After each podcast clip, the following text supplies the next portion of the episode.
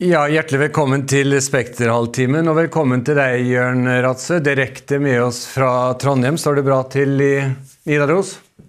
Ja, det står som alltid bra til i Nidaros. Akkurat. Du, Tida går altså fort. Du er jo som alle vet professor ved NTNU, men du er jo også kjent som produktivitetskommisjonens far. og det er altså gått nå fem år siden du la fram sist, og da pekte du liksom på behovet fra ressursøkonomi til kunnskaps, kunnskapsøkonomi, og du pekte ikke minst på behovet for omstilling og økt produktivitet. Er det like aktuelt i dag?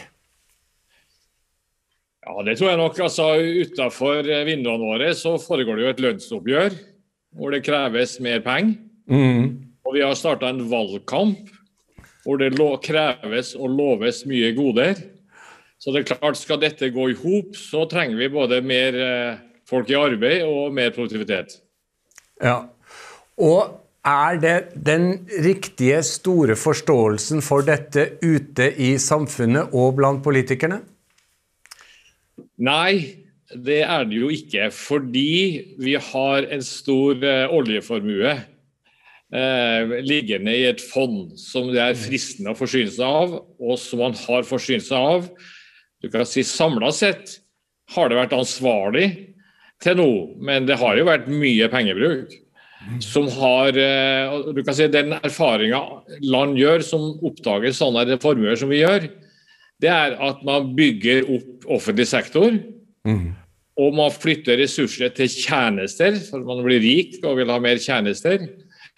Og det bærer jo ikke når da den ressursen, eh, ressursuttaket går ned.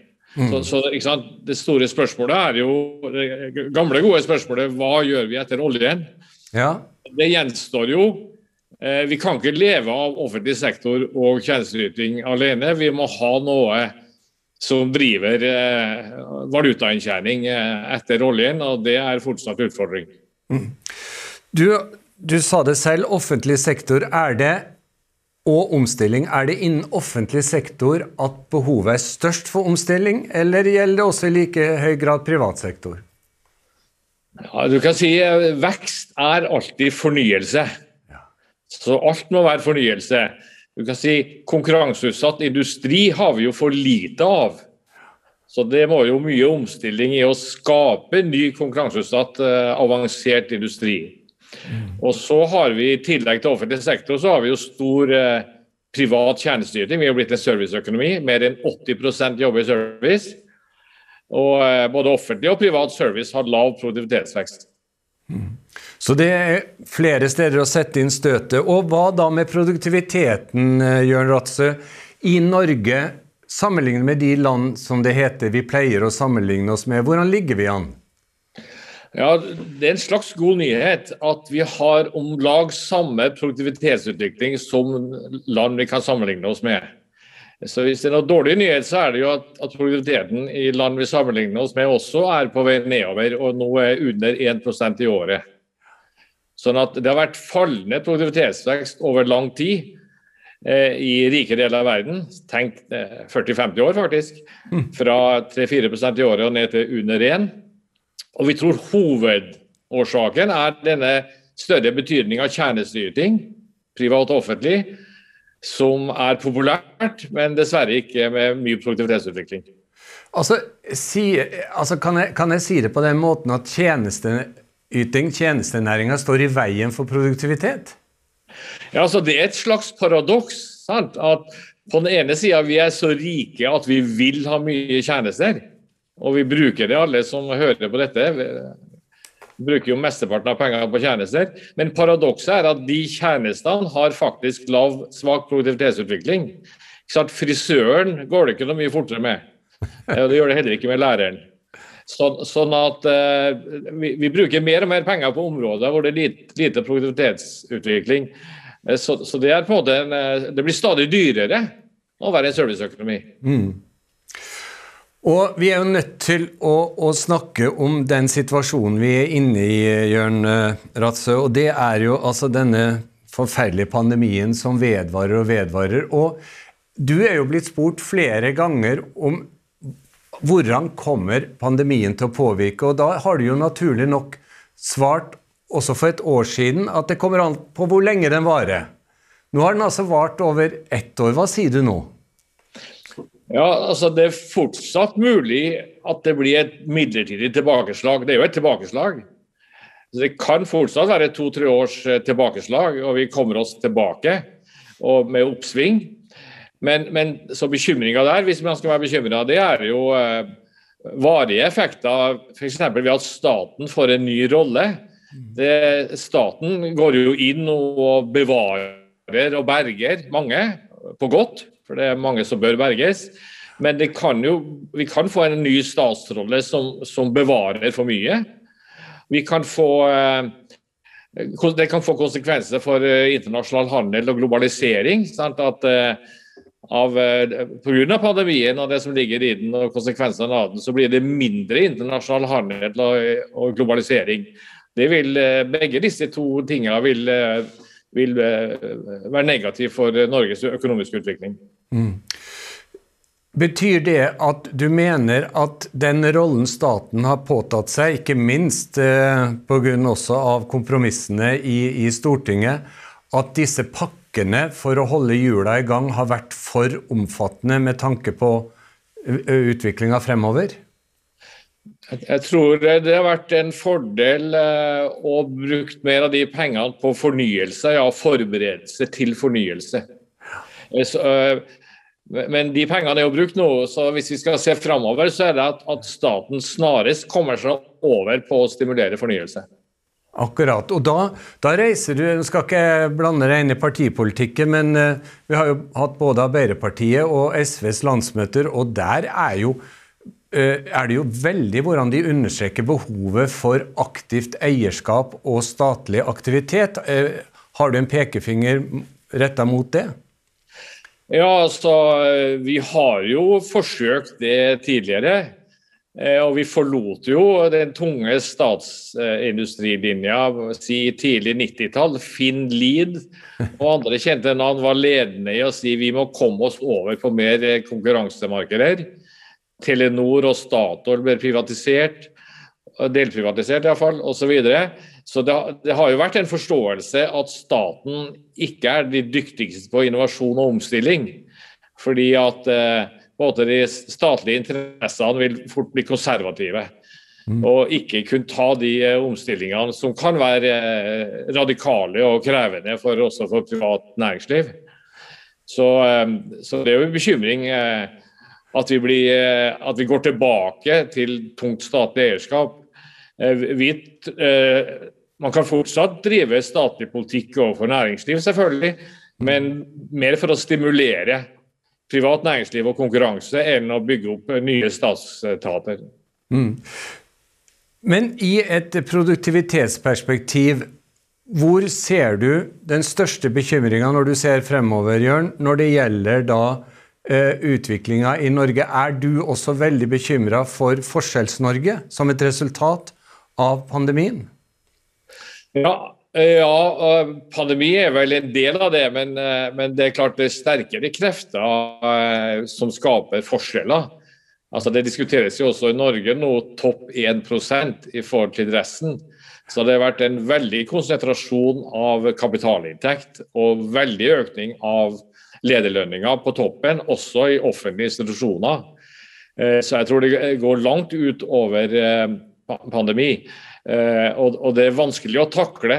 Det som ligger bak, er jo ja, Slagordet er vel 'vinneren tar alt'. Mm. Så Du ser det på veldig mange områder. Du behøver ikke å se på Steve Jobs, du kan jo se på Petter Northug. Altså, vinnerne får mye ut av sine innovasjoner. Skaper sterkt press på inntektsfordelinga, og kan selvfølgelig skape eh, uro og bekymring og, um, i forhold til både næringsutvikling og omstilling. Mm. Dette med forskjeller ser ut til å bli en uh, Før jeg går videre til neste spørsmål, bare til å tenke på dette, at dette med forskjeller ser ut til å bli et veldig sentralt tema i, i valgkampen. Og siden du nå er i Spekterhalvtimen, hvilken rolle ser du partene i arbeidslivet kan ha her for å dempe liksom eh, disse forskjellene og sørge for at produktiviteten holdes i gang?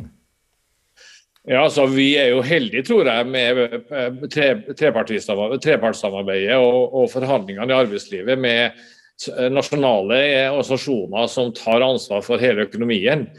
Eh, så vi er heldige med at de nasjonale lønnsoppgjørene er jo innenfor forsvarlige rammer, og, og eh, alle partene skjønner betydningen av produktivitetsutvikling. Mm. Så jeg, jeg tror eh, den modellen vi har på arbeidsmarkedet vil være en støtte for oss. Men, men så bekymringa er jo mer teknologiutvikling og og, og, internasjonale selskaper som presser et lite land som oss. Og, og det er vanskelig for oss å være et annerledessamfunn. Ja, hva, hva, tenker du på da? Hvis jeg oppfatter riktig, så sa du at teknologiutviklinga her er en trussel? Sa du det? Ja, altså, teknologiutvikling er en utfordring på, ja. uh, på ulikhet. Mm, det, altså, det vi observerer i arbeidsmarkedet, også i Norge, det er jo polarisering mellom de som behersker teknologi og utnytter den, og de andre. Mm. Større enn før. Så, så både middelklassen i arbeidsmarkedet er på vei ned, relativt sett på vei ned. Mens det blir en mindre vinnergruppe som behersker kunnskap og teknologi. Eh, så, så det, Derfor er teknologi en utfordring i forhold til ulikhet. Riktig. Du, I 2020 så sa du i et intervju med Spekter at det er mangel på kreativ destruksjon. Hva, hva mener du med det? Ja, Da er vi, til, da er vi tilbake til uh, at all vekst krever fornyelse. Og Kreativ restriksjon er jo å kunne legge ned gammelt for å få plass til nytt. Uh, så, så, problemet da, jeg, vil si Eh, nordiske modellens styrke har jo vært at vi har fått til det i privat næringsliv. Mm -hmm. Vi har sterke fagforeninger og forhandlinger i arbeidsmarkedet som setter høye lønninger, som bedrifter som ikke tåler det lønnsnivået, bukker under og gir plass til nye. Så, så vi har laga en mekanisme eh, som bidrar til produktivitetsvekst med sterke fagforeninger og høyt lønnsnivå. Mm. Men uh, den mekanismen uh, har ikke vi uh, klart å formidle til offentlig sektor. Så i offentlig sektor er jo all omstilling vanskelig. Eller høyere utdanning, eller kommuner og regioner, eller skattekontor, eller hva du ser på, så er det vanskelig å få fornyelse. Og vi ser mye mindre fornyelse i offentlig sektor. Ja, du har også påpekt behovet for altså, at vi skal fra en ressursøkonomi til en kunnskapsøkonomi. Har vi etter din mening et utdanningssystem, et utdanningsapparat i Norge som er beredt til å ta denne utviklinga? En alvorlig utfordring, tror jeg. Du kan si Den, den generelle utfordringa Produktivitetskommisjonen eh, snakka om, det var, det var jo at vi er på topp i ressursbruk på mange områder. Vi er 20-30 høyere inntektsnivå enn eh, naboland. sant? Topp på ressursbruk, men middels på resultater. Hvorav inngår utdanningssystemet. PISA-sjokket var jo en, en, en øyeåpner for politikerne at kanskje ikke norsk skole er på internasjonalt nivå der den burde ligge.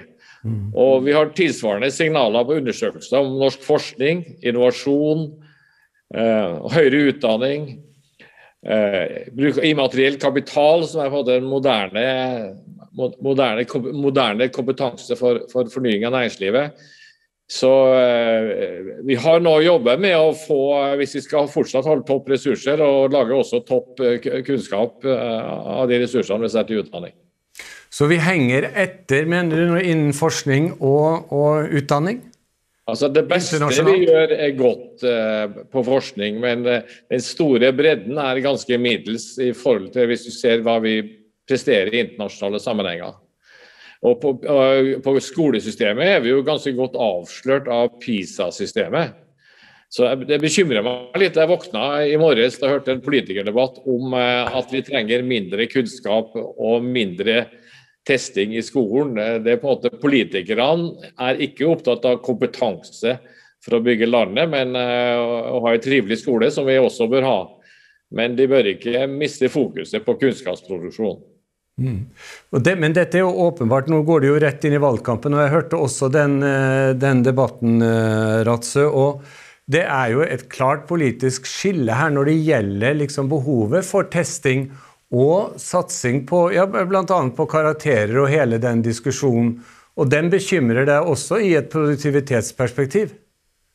Ja, det er klart eh, at eh, fra et økonomisk synspunkt så må jo kunnskapsproduksjonen eh, ivaretas. Vi må ha kunnskapsnivå på ungdommene som skal videre i utdanning og, og i arbeidslivet. Mm. Og hvis vi ikke ivaretar det, så vil vi måtte betale kraftig i framtida. Nettopp. Det har jo vært eh, Altså, det å mobilisere arbeidskraft er jo eh, viktig for å sikre produktiviteten også. Eh, hvis vi går til et spørsmål som jeg ser også dukker opp igjen, og det er sekstimersdagen. Kan sekstimersdagen være et virkemiddel? Altså, Sekstimersdagen vil jo være en luksus hvor vi tar store deler av arbeidsstokken eh, ned til å yte mindre arbeid. Og Det er krevende i en tid hvor landet har mangel på arbeidskraft. Mm.